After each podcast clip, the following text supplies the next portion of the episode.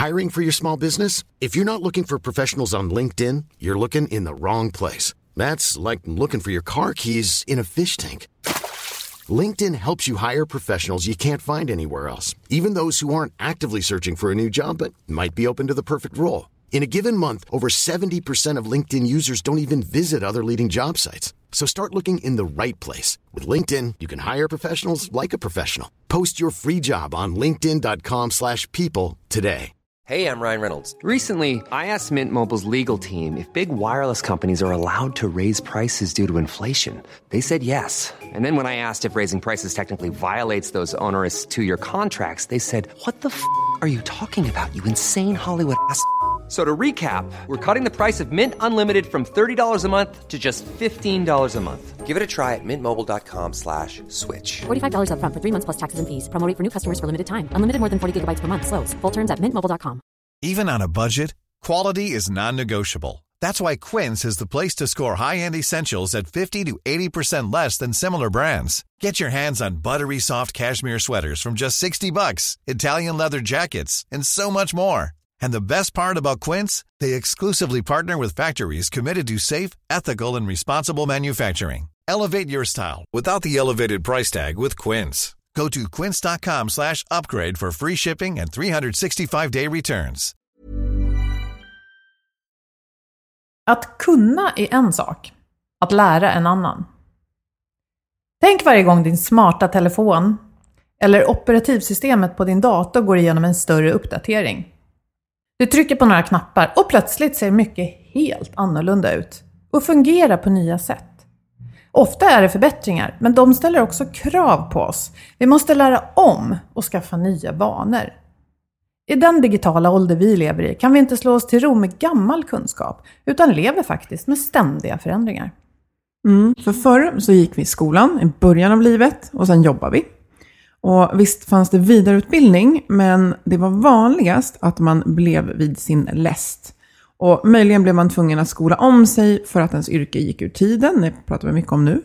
Ja, idag måste vi lära oss nytt hela tiden. Alla yrkesroller förändras konstant och vissa organisationer behöver få in det livslånga lärandet som en del av verksamhetens grund. Det håller inte längre att skicka folk på kurs då och då. Det här ska vi prata om idag. Välkommen!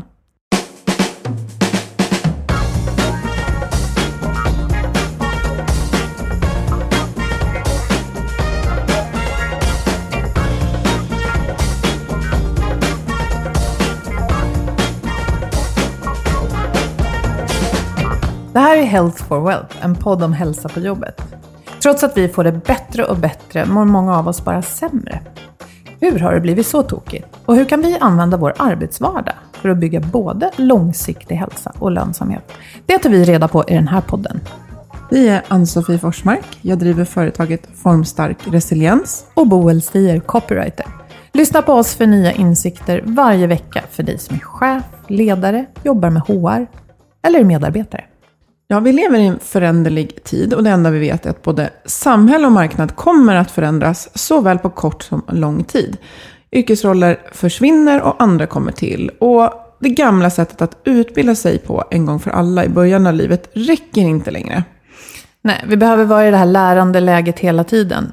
Och ja, det är någonting som många forskare och tänkare säger. Utvecklingen och särskilt den digitala går fort för fort för att en utbildning ska räcka till ett yrkesliv. Och så har det väl egentligen varit länge. Men det blir allt tydligare. Och ju mer vi spanar in i framtiden också så ser vi att vi behöver hitta ett förhållningssätt till det här. Mm, och vi har pratat om det här tidigare i avsnitt 95, den lärande organisationen. Och idag har vi med oss en person som jobbar med de här frågorna dagligen, nämligen Sveining Skalsnäs från Colearn. Men först... Ja, vår partner Firstbeat har ställt den retoriska frågan, får man väl säga, varför man ska mäta i företag. Och då vill de eh, berätta lite om hur några av deras eh, kunder har gjort. Eh, ett företag som heter Framery som tillverkar ljudisolerade utrymmen. De växte väldigt snabbt, eller växer ska jag säga. Från 70 till 300 anställda på några år. Och det här skapade ganska mycket press, även om det förstås säkert var rätt kul också. Ehm, och de insåg att de behövde göra någonting för att eh, ja, motverka stress. Och skapa utrymme för återhämtning för medarbetarna. Precis, och eh, det, det de såg det var att det föga förvånande lönar att ta hand om återhämtningen. Och den har First Beat i andra mätningar sett att den brukar vara nästan noll om dagarna eh, på många organisationer. Och eh, här var det så att det man fick till var att deltagarna fick en fysisk återhämtning på nio minuter under dagens lopp. Och alltså det låter väldigt lite, men det är det faktiskt inte. För Nej. att eh, som sagt, den vanliga finländaren i det här fallet då återhämtar sig noll minuter. Och det här kan jag koppla till, vi gjorde ju den här livsstils, livsstilsanalysen själva i, vad var det, två månader sedan. Eh, och det var någonting som jag fick bakläxa på, just det här att jag behöver hitta mer små pauser under arbetsdagen. Och det är ju för att prestera bättre. Det är ju inte bara för att jag då ska, så att säga, må bra. Så att det, det lönar sig för alla. Men eh, nu när vi kan sitta klistrade framför skärmen hela dagarna, om vi nu jobbar vid en dator till exempel. Det, det finns inget inbyggt längre som säger till oss att vi ska pausa, förutom möjligen när man behöver kissa. Alltså, eller peta i sig något att äta. Ja. Och när man använder livsstilsanalysen, då, då behöver man inte fungera, fundera, fungera, fundera på vad som fungerar och vad som inte fungerar. För att den här objektiva informationen, eh, den blir liksom en bekräftan på ens egna upplevelser. Men jag kan tänka att just styrkan i att mäta blir att eh, det blir väldigt, jag tänker för en organisation där man vill springa på, man växer och det händer grejer. Eh, att objektivt liksom visa att när ni tar de här korta pauserna så får det en liksom otrolig förbättring. Alltså det förbättring på återhämtningen. Och det gör otroligt stor skillnad. Men det är bara så här lite som krävs. Mm. Och det betyder också att eh, individen behöver inte stå upp och skrika för att få utrymmet. Eh, chefen kan se på gruppnivå hur det här skapar resultat och kan ja, hålla fram det kanske högre upp i ledningen för att få, få utrymmet som krävs. Eh, så den här livsstilsanalysen, ja, men, den är bra. Och vi gillar ju också att First Beat fokuserar just på återhämtningen. För det finns många som eh, tittar på andra siffror. Eh, vi pratar ju ofta om att man lätt hamnar på en nivå där man nästan anklagar individen för att inte kunna hantera stress. Och ja, men hur gör man det då? Det här är en väldigt viktig faktor. Eh, ett annat företag som heter, nej det är inget företag. Organisation. Frustuna församlingen och Svenska kyrkan, inte företag, organisation, eh, hade också flera utmaningar som handlade om arbetshälsa. Många sjukskrivningar eh, och, och ensamhet som präglade vissa arbetsroller eh, var ganska tärande. Efter att ha gjort den här livsstilsanalysen så tyckte man att det fanns ett före och efter.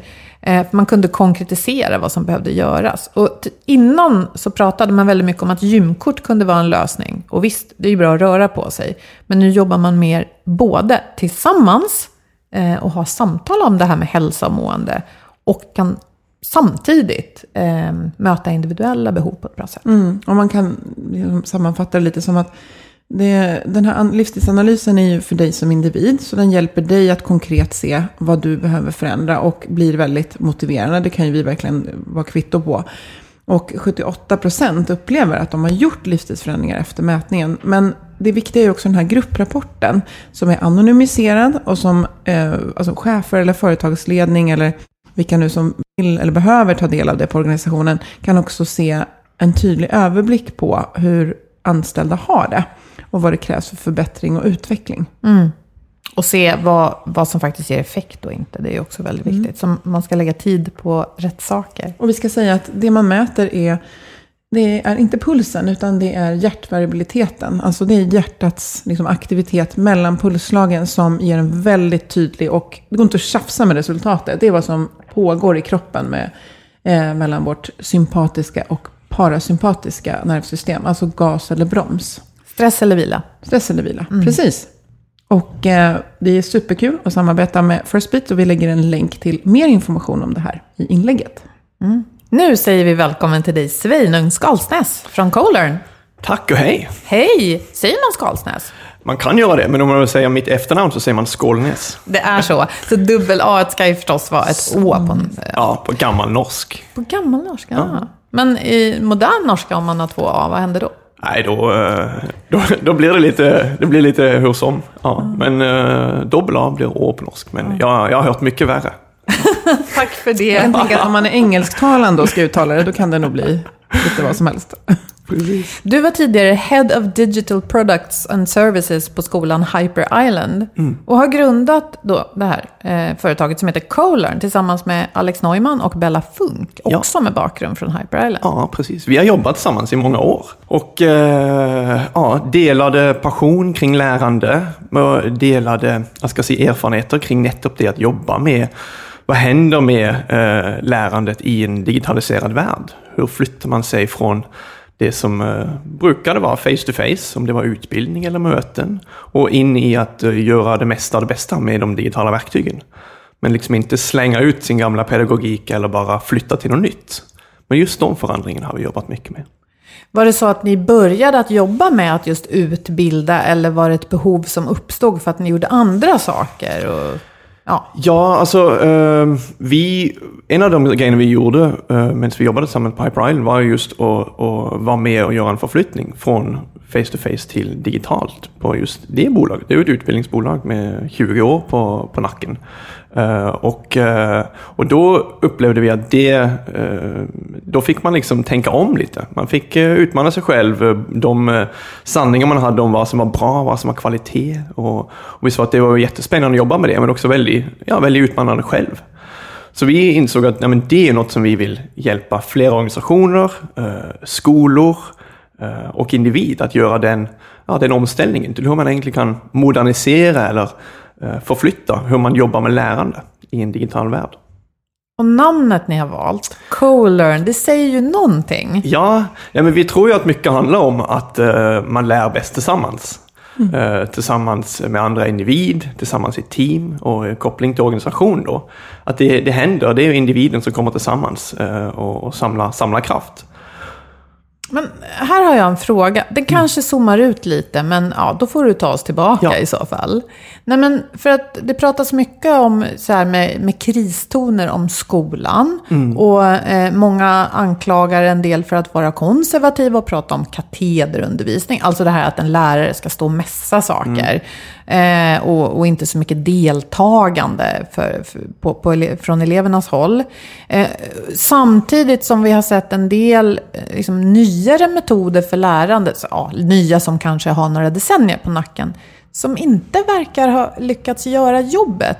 Ehm, så jag tänker att lära sig tillsammans låter härligt, men måste vi inte också på något sätt betona, vad ska man säga, kompetensens och erfarenhetens betydelse? Jo, jag tycker den, eh, det finns ju mycket i, den, i, det, i det du sa där. Eh, men jag, eh, specifikt så tänker jag att absolut, det, det, det är hos individen det ska fastna. Och det är individen som ska bygga kompetens och, och, och kunskap. Men vägen dit, eh, tillsammans med andra, tänker vi, där man får utrymme för samarbete, att testa på, eh, våga tänka, säga det högt, se vad andra säger tillbaks, reflektionen, den, den gemensamma processen eh, i det. För att så ta det tillbaks till individen, absolut. Och jag tycker det är intressant det med, det med, med en lärande organisation. Det är ju, det är ju i princip, eh, det kan man, ju, man kan ju prata om det på olika håll, men, men, men en lärarorganisation är ju eh, kopplingen tänker jag, mellan organisationens förmåga att, eh, att plocka upp signaler eh, och vad som händer i organisationen, eh, såklart förbereda sig på det som, komma, eh, det som kommer och trender och så. Men också det att plocka upp signaler på vad som händer hos individen vad händer då på det individuella lärandet, på teamet och så vidare? Så mycket av den lärande organisationen handlar ju om processerna mellan individ och organisationen när det kommer till, men vad är det då vi, vad är det vi upplever? Vad är det vi tar med oss? Vad är det vi ser? Vad är det vi kan eh, i det? Så det är liksom en, en, en, eh, ja, ett spektrum som vi jobbar mycket på. Jag tänker att det, det du beskriver nu, om man skulle byta ut nästan lärande mot, eh, jag tänker ledarskap. Alltså Ja. hur vi, så här, självledarskap, och det är Ja. klart att det sker jättemycket förändringar inom det. Och då är det klart att det också sker förändringar inom hur vi behöver lära. Om vi behöver leda på ett nytt sätt, organisera oss på ett nytt sätt och bli bättre på att leda oss själva. Ja. Så självklart präglar det det här också. Så att det, ja. Vad vi, vad vi menar, tror jag, när vi pratar om behovet av självledarskap, det är väl det här just att saker förändras så snabbt så att en, en chef eller, eller em, eh, formell ledare kan inte bara liksom ropa ut gör det här i ett år, sen hörs vi. Eller hur? Utan man måste då som individ kunna fånga upp vad som händer hos en kund eller på en marknad eller var det nu är man verksam. Och det här tänker jag, är inte utmaningen då att många individer som uppfattar saker, hur samlar man det till en gemensam kunskap? Så att det inte blir en massa eh, ja, enstaka upplevelser som aldrig leder till någonting nytt i organisationen. Är det lite där ni jobbar eller?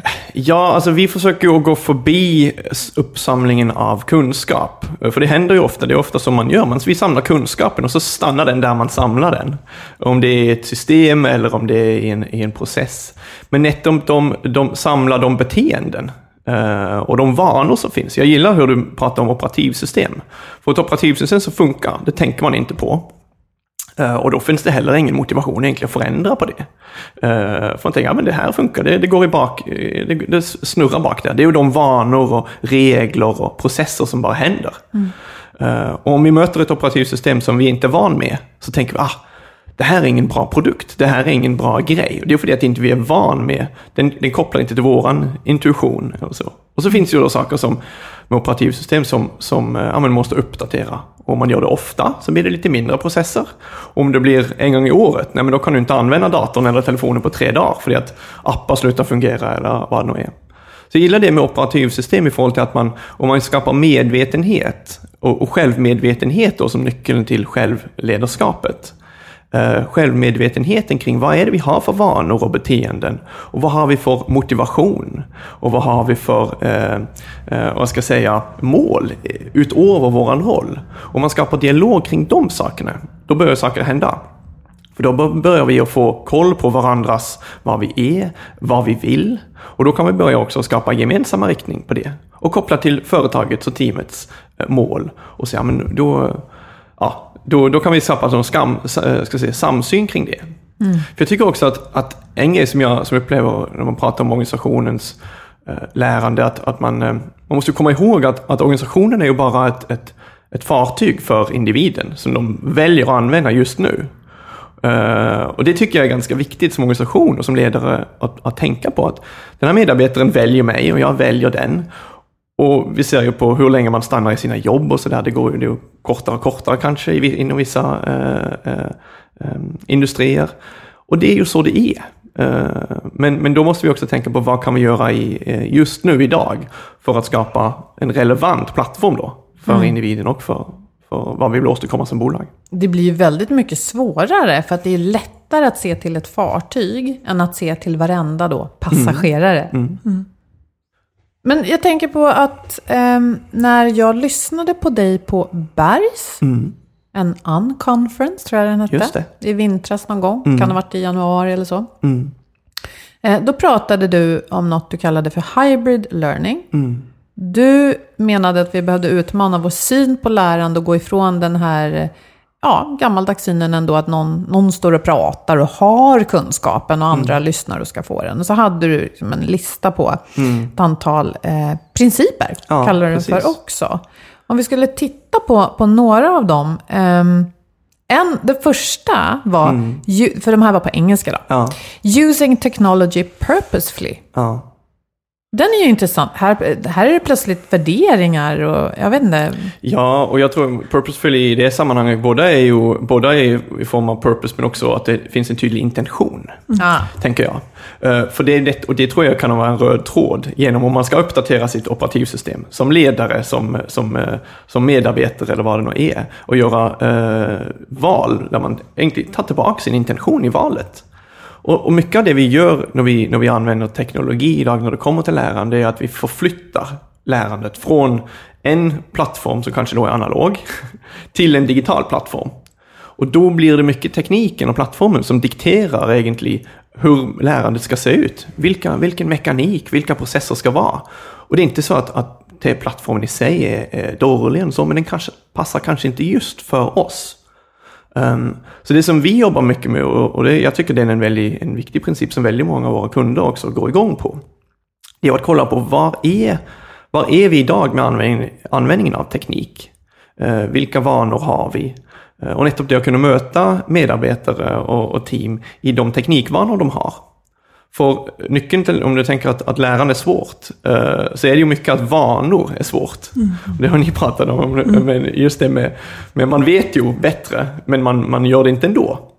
Så hur kan man möta människor var de är? Och det är då att kolla på om man använder eh, om man använder eh, Slack, eller Microsoft Teams, eller e-post, eller sms, eller vad det nu än är för teknik som är den naturliga eh, interaktions, jag ska säga, interfacen då, eh, i mitt jobb. Hur kan vi få in lärande där? Istället för att säga nu ska vi gå bort här på den här nya plattformen och lära oss. För det blir ju i princip samma som att gå på kurs. Eh, och det blir inte integrerad. Eh, och det är ju, eh, de principerna som jag delar då på, på den här konferensen, det är ju en del av ett, det ramverket som vi jobbar med. Vi har ett, gäng principer eh, och vi har eh, en eh, vi brukar prata om byggstenar, att man, att man liksom får, ja igen det med intention då. Om du har ett lärandeprogram eller en approach till, till att du ska göra något, plocka sönder det, plocka ihop det, för så sätta det tillsammans igen med tydlig intention på vad är det vi vill göra. För där kan ju vi, om du pratar till skolan, ehm, jag var precis i Köpenhamn förra helgen och jobbade med en, eh, på en konferens för eh, lärare och ledare på internationella skolor i Norden. Och då är ju, eh, lärarrollen är ju intressant. Jag tycker den är lite lika som ledarrollen. Många, många eh, ledare är ju, eh, råkar vara ledare. Eh, och, och, och många lärare har ju, har ju varit, utbildat sig som, som, som lärare en gång i tiden. Men har varit det i många år. Och, och, och eh, vad händer med den rollen då om, om, om kraven på, på vad barn och unga ska lära sig och, och, eh, och, och läroplanen förändras, då blir man ju som någon, potentiellt en flaskhals i mitten. Så det är nettopp det med att, med att tänka om sin, sin, sin roll och, och hjälpa då eh, ledare och lärare att, att, att praktisera de sakerna som vi förväntar att de ska lära ut eller stödja medarbetarna att göra. Mm. Hur kan man vara en, en rollmodell eh, inom ett område som man inte har erfarenhet inom? Eh, då kan man ju bara bli en, en informationsskyfflare egentligen. Och det är ju ingen som, det, det blir ju inte så, det blir inte så purposeful i det. Och det fanns mycket att ta tag i där, tänkte jag. Men en en så här väldigt praktisk fråga. Om jag eh, är chef på en organisation där jag skulle vilja jobba mer med konstant lärande. Och så säger vi så här, men en utmaning vi har är just det här med stress och press. Att eh, vi tar för, alltså vi ger för lite utrymme till återhämtning och reflektion. Säg att vi jobbar mycket i Slack till exempel. Som är ett meddelandehanteringssystem egentligen, någon slags utbyggd chatt. Vi vill ju, vill vi inte också eh, skilja på när vi liksom skickar varandra tydliga instruktioner, feedback, förfrågningar som kanske rör då konkret. Vi kanske utvecklar något, vi kanske bygger någonting tekniskt. Men så ska vi också ha den här pågående diskussionen om hur vi mår. Behöver vi liksom, ja men då startar vi en egen Slack-kanal för det, eller hur, hur kan man tänka? Ja, jag tror man kan tänka, man kan designa lite som man vill, men jag tänker att det, det handlar väldigt mycket om att, om att för, det, för det första se om vad är det som driver det här, vad är motivationen i den här gruppen för, för att göra de här olika sakerna. Och då tänker jag att om du kopplar till lärande och säger att nej, men då måste det finnas någon form av inre motivation för det. Och då kan ju man som, som i sitt team och med sina medarbetare hjälpa varandra att hitta det. Vad är det då som är min motivation för att göra något, för att utvecklas? Eh, Och hur ser mina nuvarande vanor ut i förhållande till det? Och om det handlar om att, om, att, om, att, om att använda Slack eller andra kommunikationsplattformar så tror jag det viktigaste är att man skapar tydliga förväntningar på varandra. Skapar en, en tydlig, ja men så här vill vi använda det här verktyget just nu. eh, Så det passar för alla. Och så testar vi det i x antal veckor eller månader. Så det är liksom att ta ett, om man ska testa något nytt, göra något nytt, ja men ge det, ge det lite tid, men, men och så kan man utvärdera efter det. Och jag tror att man kan, man kan också koppla in i, i, i sina processer kring att man, man inte nödvändigtvis behöver lägga till ett, ett, ett lager till som handlar om lärande som man ska också göra varje dag. Men hur kan vi designa in det i våra processer? I, i, i hur vi jobbar, men kanske man lägger in det i mål, som en del av målen på, i projektet om inte det finns på företagsnivå. Eh, ja. Jag, jag tänker på de här principerna, apropå lärande. Mm. Ja. Mm. Eh, nu har vi inte gått igenom alla, men, men hur har, eh, för det är 12 principer, Mm. förstår jag.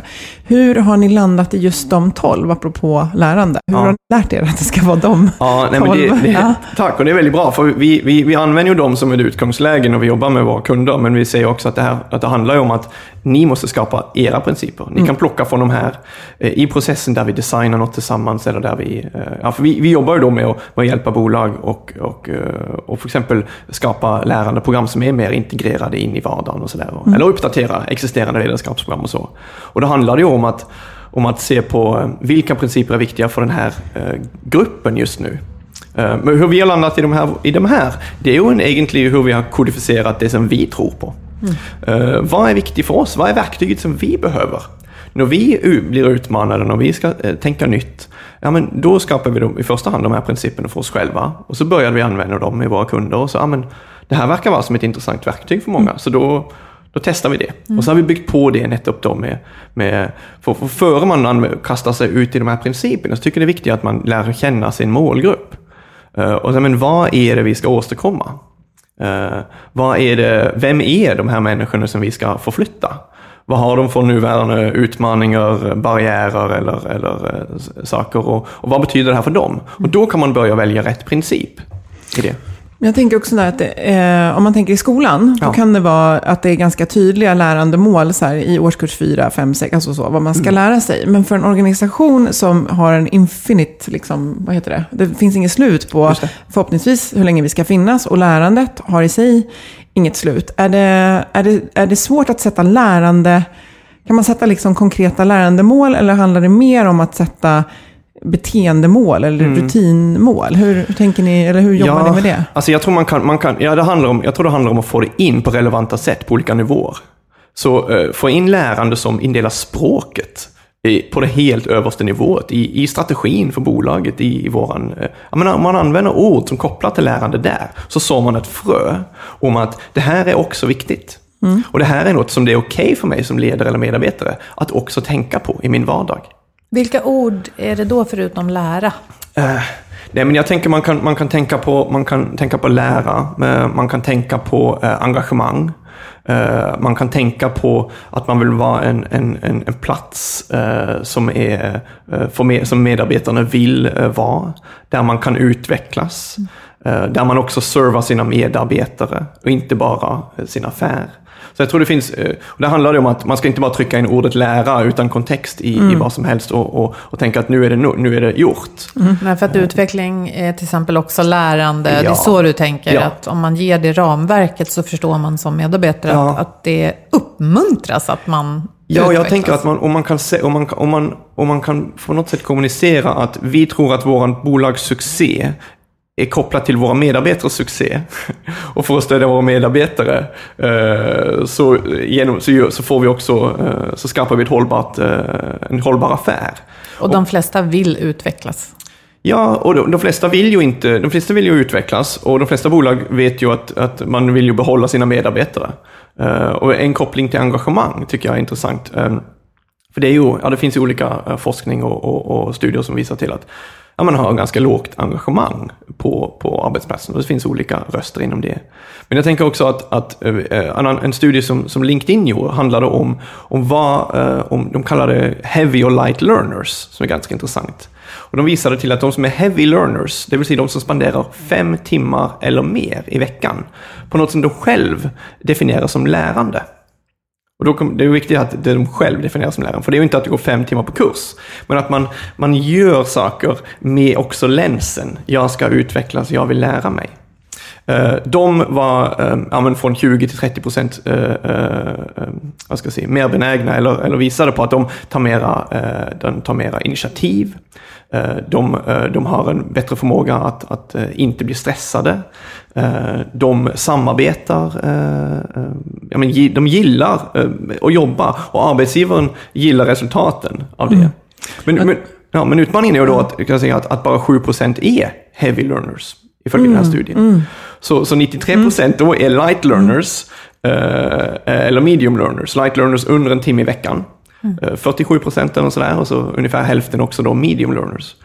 För det är ju, ja, Men men jag, jag tänker verkligen att, och, och, och jag tänker, ska man ändra vad man gör? Ja, det kanske man måste. Men man kan också ändra på hur man ser på vad man gör. Jag tänker Ja. att om man är nervös inför någonting, men ser det som, nu ska jag ju in i en 100%. lärandefas, jag ska ställa mig och prata eller föreläsa eller vad det är. Och eh, jag tittar på dina, några av principerna här, att eh, making and building stuff, making learning social, alltså doing, reflecting, applying. Jag kan lägga in det i någonting jag ska göra idag. Ja. Och helt plötsligt så är jag den dagen en heavy learner. Men det handlar ju om ett eh, det handlar också om ett synsätt på Ja. vad är vi i lärande eller inte. Ja. Ja, men just det tänker jag. Att kunna vara stolt för att jag nu liksom traskar ut i utkanten av vad jag kan. Istället för att som det ofta kanske blir att, oh oh, nu, nu kan inte jag det här så bra. De kanske ser att jag har brallorna nere.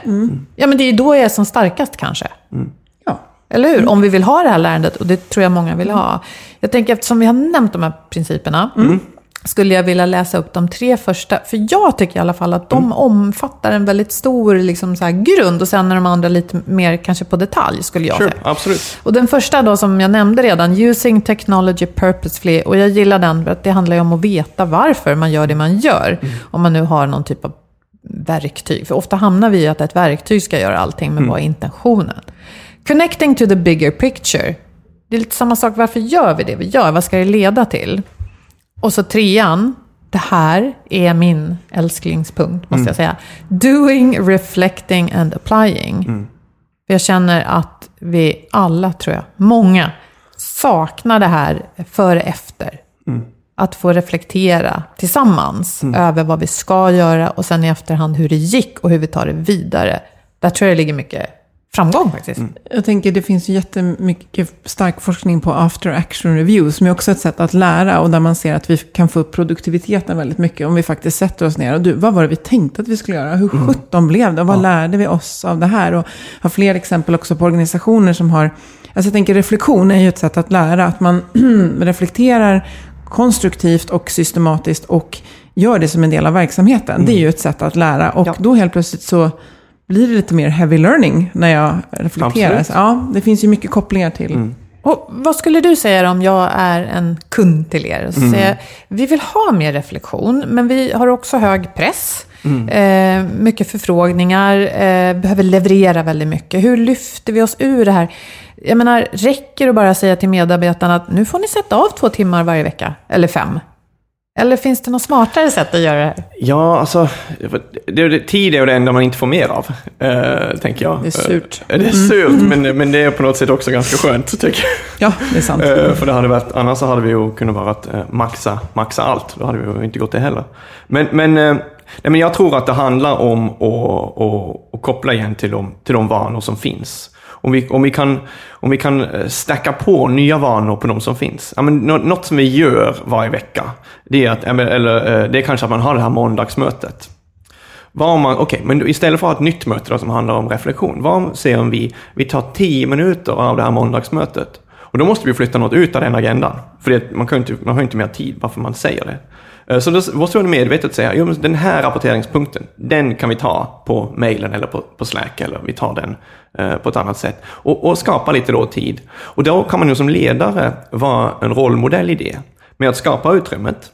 Eh, exper- experimentera med det. Jag tror mycket av det som, om man tänker på den där dagliga refle- eller, eh, ständiga reflektionen, handlar också om att våga testa på nya saker.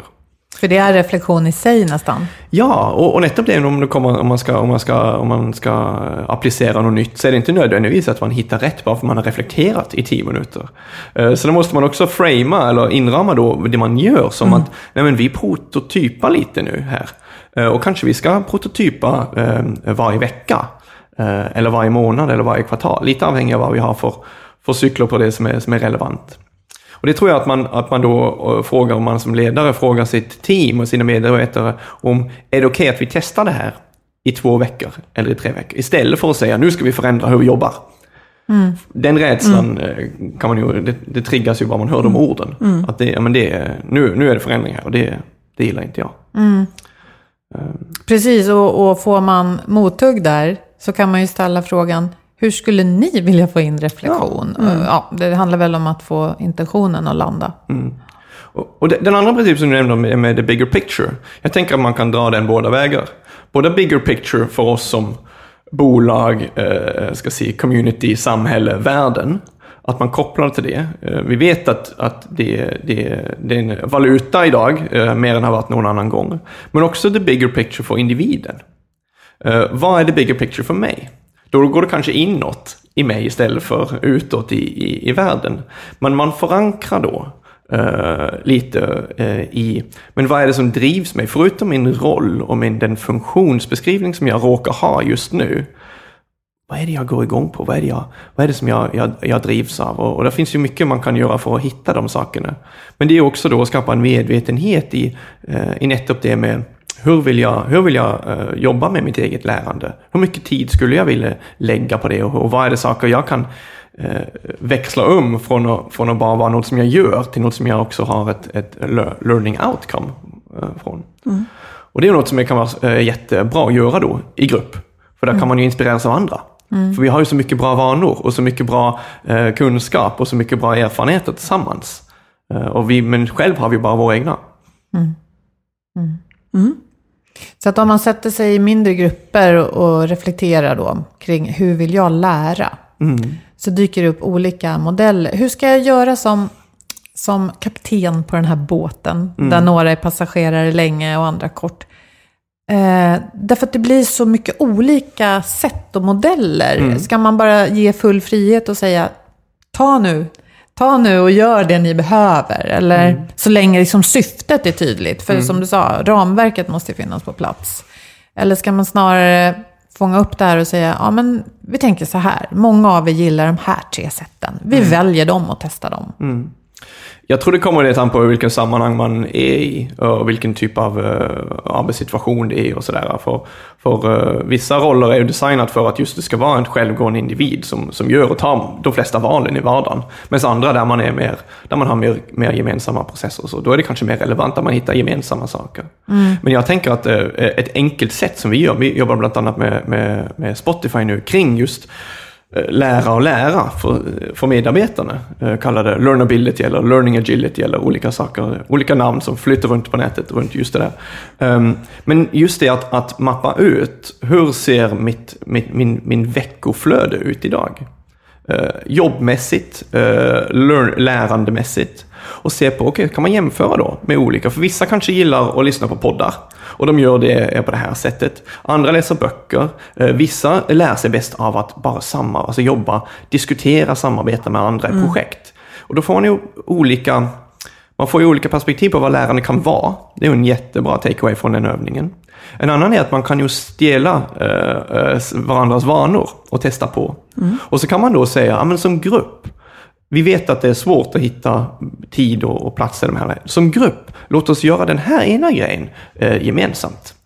Vi designar in det i vårt, hur vi gör vår uppstart på våra projekt och hur vi avslutar dem. Eh, så man kan hitta en mix där tror jag. Men, men just det att, det att, det att det är relevant för, eh, vi, vi brukar prata om uh, learning in the flow of work, eller learning in the flow of life. Och just det att man får inte mer tid, och vi vill allt mer och det krävs allt mer av oss. Och, och, det är många, det är liksom eh, 60 år sedan eh, alla datorer blev smartare än, liksom, än oss. Eh, men så, så vad ska vi göra då? För när, när mycket av den, den, den, det press vi sätter på oss själva, det är ju för att vi jämför oss själva med, med datorer och teknik. Ehm, så då måste vi hitta sätt att liksom hacka det på. Mm. Ehm, och kreativitet och, och reflektion ja. klarar ju inte en dator på samma sätt och att vara social. Det är just det, och det är ju den största takeawayn från om du kollar på de lärare som vi jobbar med, är ju att det som, det som, eh, det som kommer tillbaks allt mer, det är ju de mänskliga eh, förmågorna.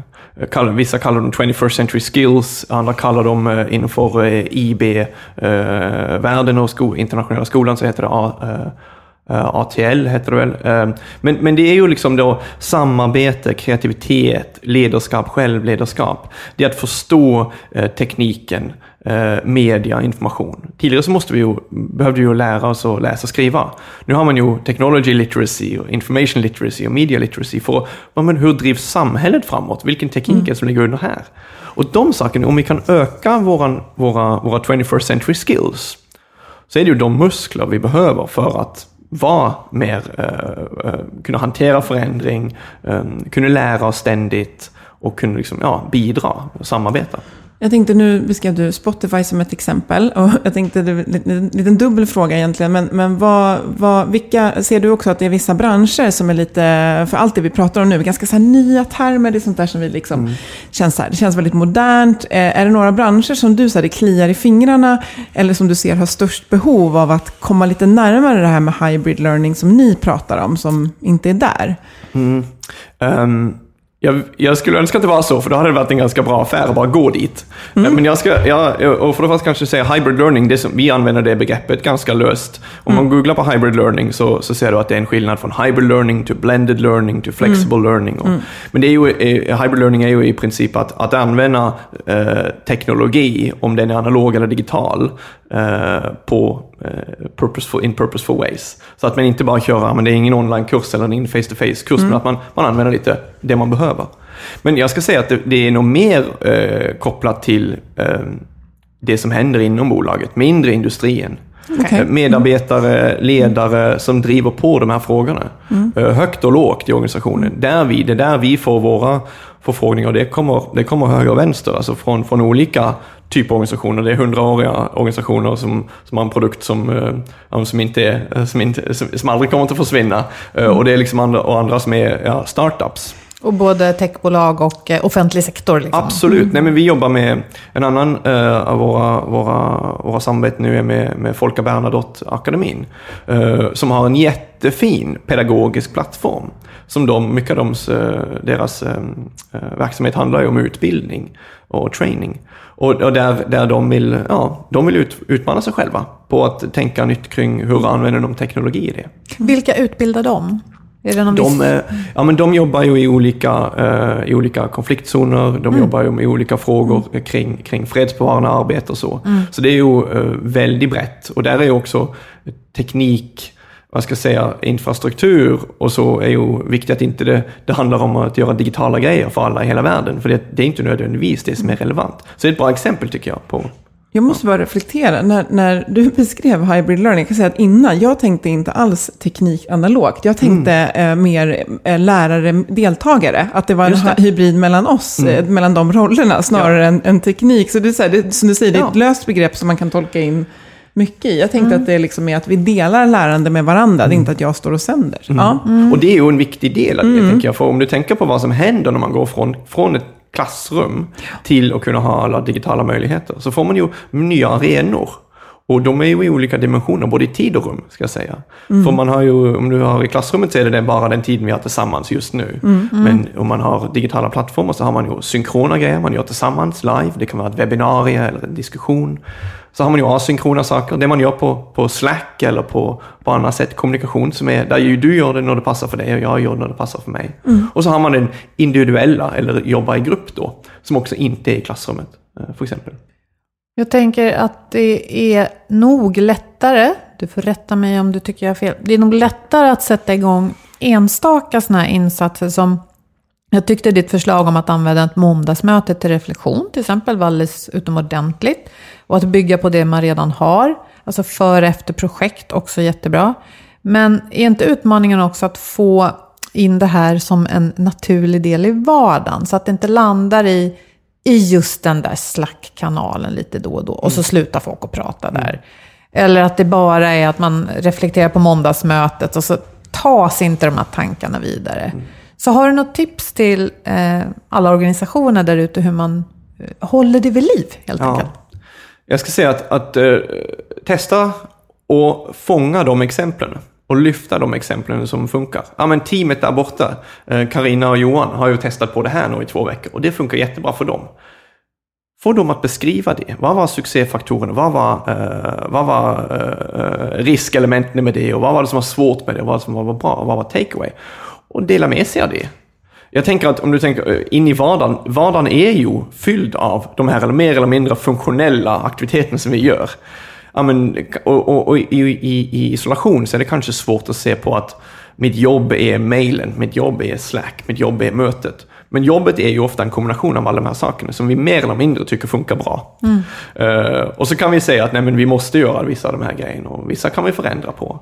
Så jag tror det handlar om att säga, men vad kan vi göra små förändringar i, i, det, i det, det dagliga? Och, det, och, jag, och, och för teamet, absolut, det kan vara svårt att bibehålla den, den rytmen. Och därför tror jag att man måste förankra, förankra det i individen också. Men jag gillar verkligen det du sa nu, därför tänker jag repetera det. Så att, för jag tror det finns en princip här som är making progress visible. Att just faktiskt kommunicera och hålla fram det som antingen har lyckats eller som bara är intressant. Ehm, och jag vet också att du hade de här, du hade elva principer på din eh, presentation när du eh, drog det här på, på Bergs. Och så uppmanade du oss alla, tolvan var tom. Så då tror jag att jag skrev till dig och så sa jag någonting, kanske tell it to the world. Ja. Ja, eller något sånt där. Och då tänker jag att det du gjorde där, att låta den sista punkten vara tom, bara det är ju rätt intressant, för då sätter, du ställer en fråga till oss som är där. Vad tycker ni ska stå här? Och jag var säkert inte den enda som responderade på det. Mm. Nej, det var det inte. Nej, men det, och det, jag tycker det, det är väldigt viktigt, för det är ju i, det, är det ställningstagande som då händer hos dig, eller den invitationen till ställningstagande, där man kan se om de här principerna, det är ju bara ord på, på papper eller på skärm. Men om du kan, om du kan, om du kan få någon effekt, det är ju då, om man ska säga, men princip 6, 8, 9, de resonerar med mig. De vill jag ta med mig och de vill jag jobba med. Eh, så jag tror det handlar väldigt mycket om, om att, att göra det eget. Eh, i Och det är tillbaka till mina drivkrafter Ja. och vad är den stora bilden för den här verksamheten, den här båten jag är på just nu. Jag tror inte vi kan motivera varandra, varken i organisation eller i, i, i team eller eh, i, hemma i familjen. Men man kan öva på nyfikenhet. Och det är en muskel som man kan testa på. Man kan, man kan göra övningar kring det, men kolla på det här glaset med vatten som om du aldrig har sett det förut.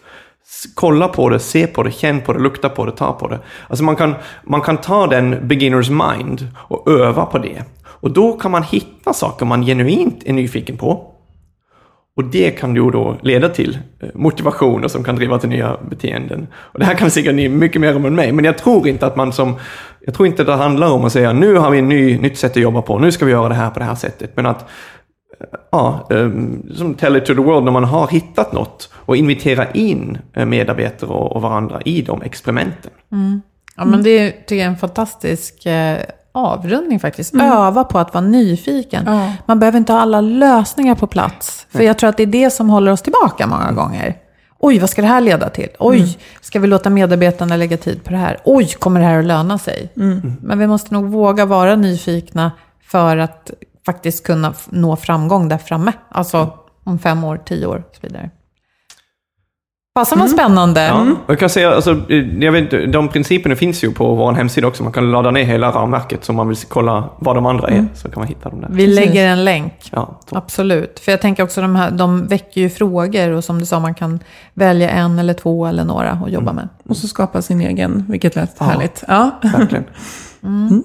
Jag vill också nämna några saker. Jo, men du sa det här med motivation. Ja, vi hade Sofie Sagfossen här från Handelshögskolan för många avsnitt sedan. Hon sa det att många begår misstaget att i en, en annons där man vill rekrytera så skriver de att ja, vi söker dig som är motiverad. Hon sa att det är ingen egenskap. Motiverad är något man blir med rätt förutsättningar. Ja, precis. Det är Och ja, ofta genom nyfikenhet. Kan komma därifrån. Mm. Och så vill jag också repetera något vår gäst, jag tror det var avsnitt nummer sex, sa.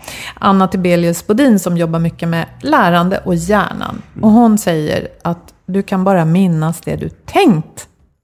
För det mesta du gör genererar ingen inlärning.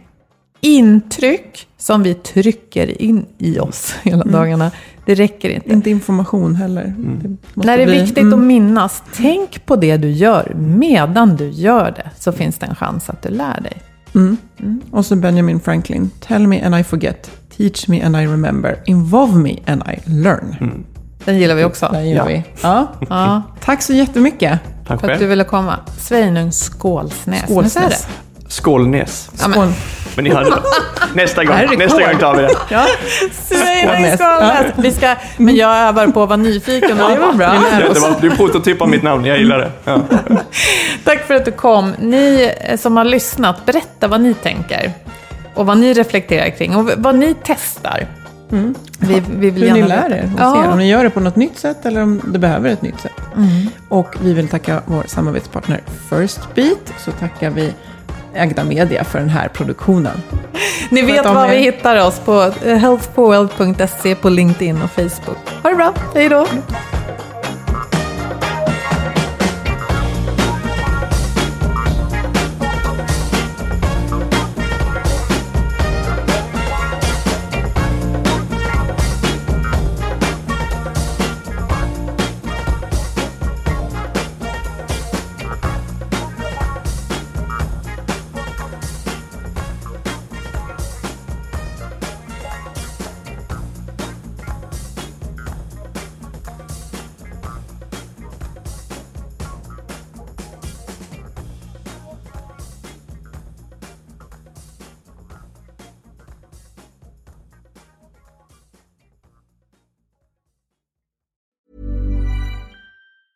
Hi, I'm Daniel, founder of Pretty Litter. Did you know cats tend to hide symptoms of sickness and pain? I learned this the hard way after losing my cat, Gingy. So I created Pretty Litter, a health monitoring litter that helps detect early signs of illness by changing colors, saving you money and potentially your cat's life. Pretty Litter is veterinarian developed, and it's the easiest way to keep tabs on your fur baby's health right at home. Go to prettylitter.com and use code ACAST for 20% off your first order and a free cat toy. Terms and conditions apply. See site for details.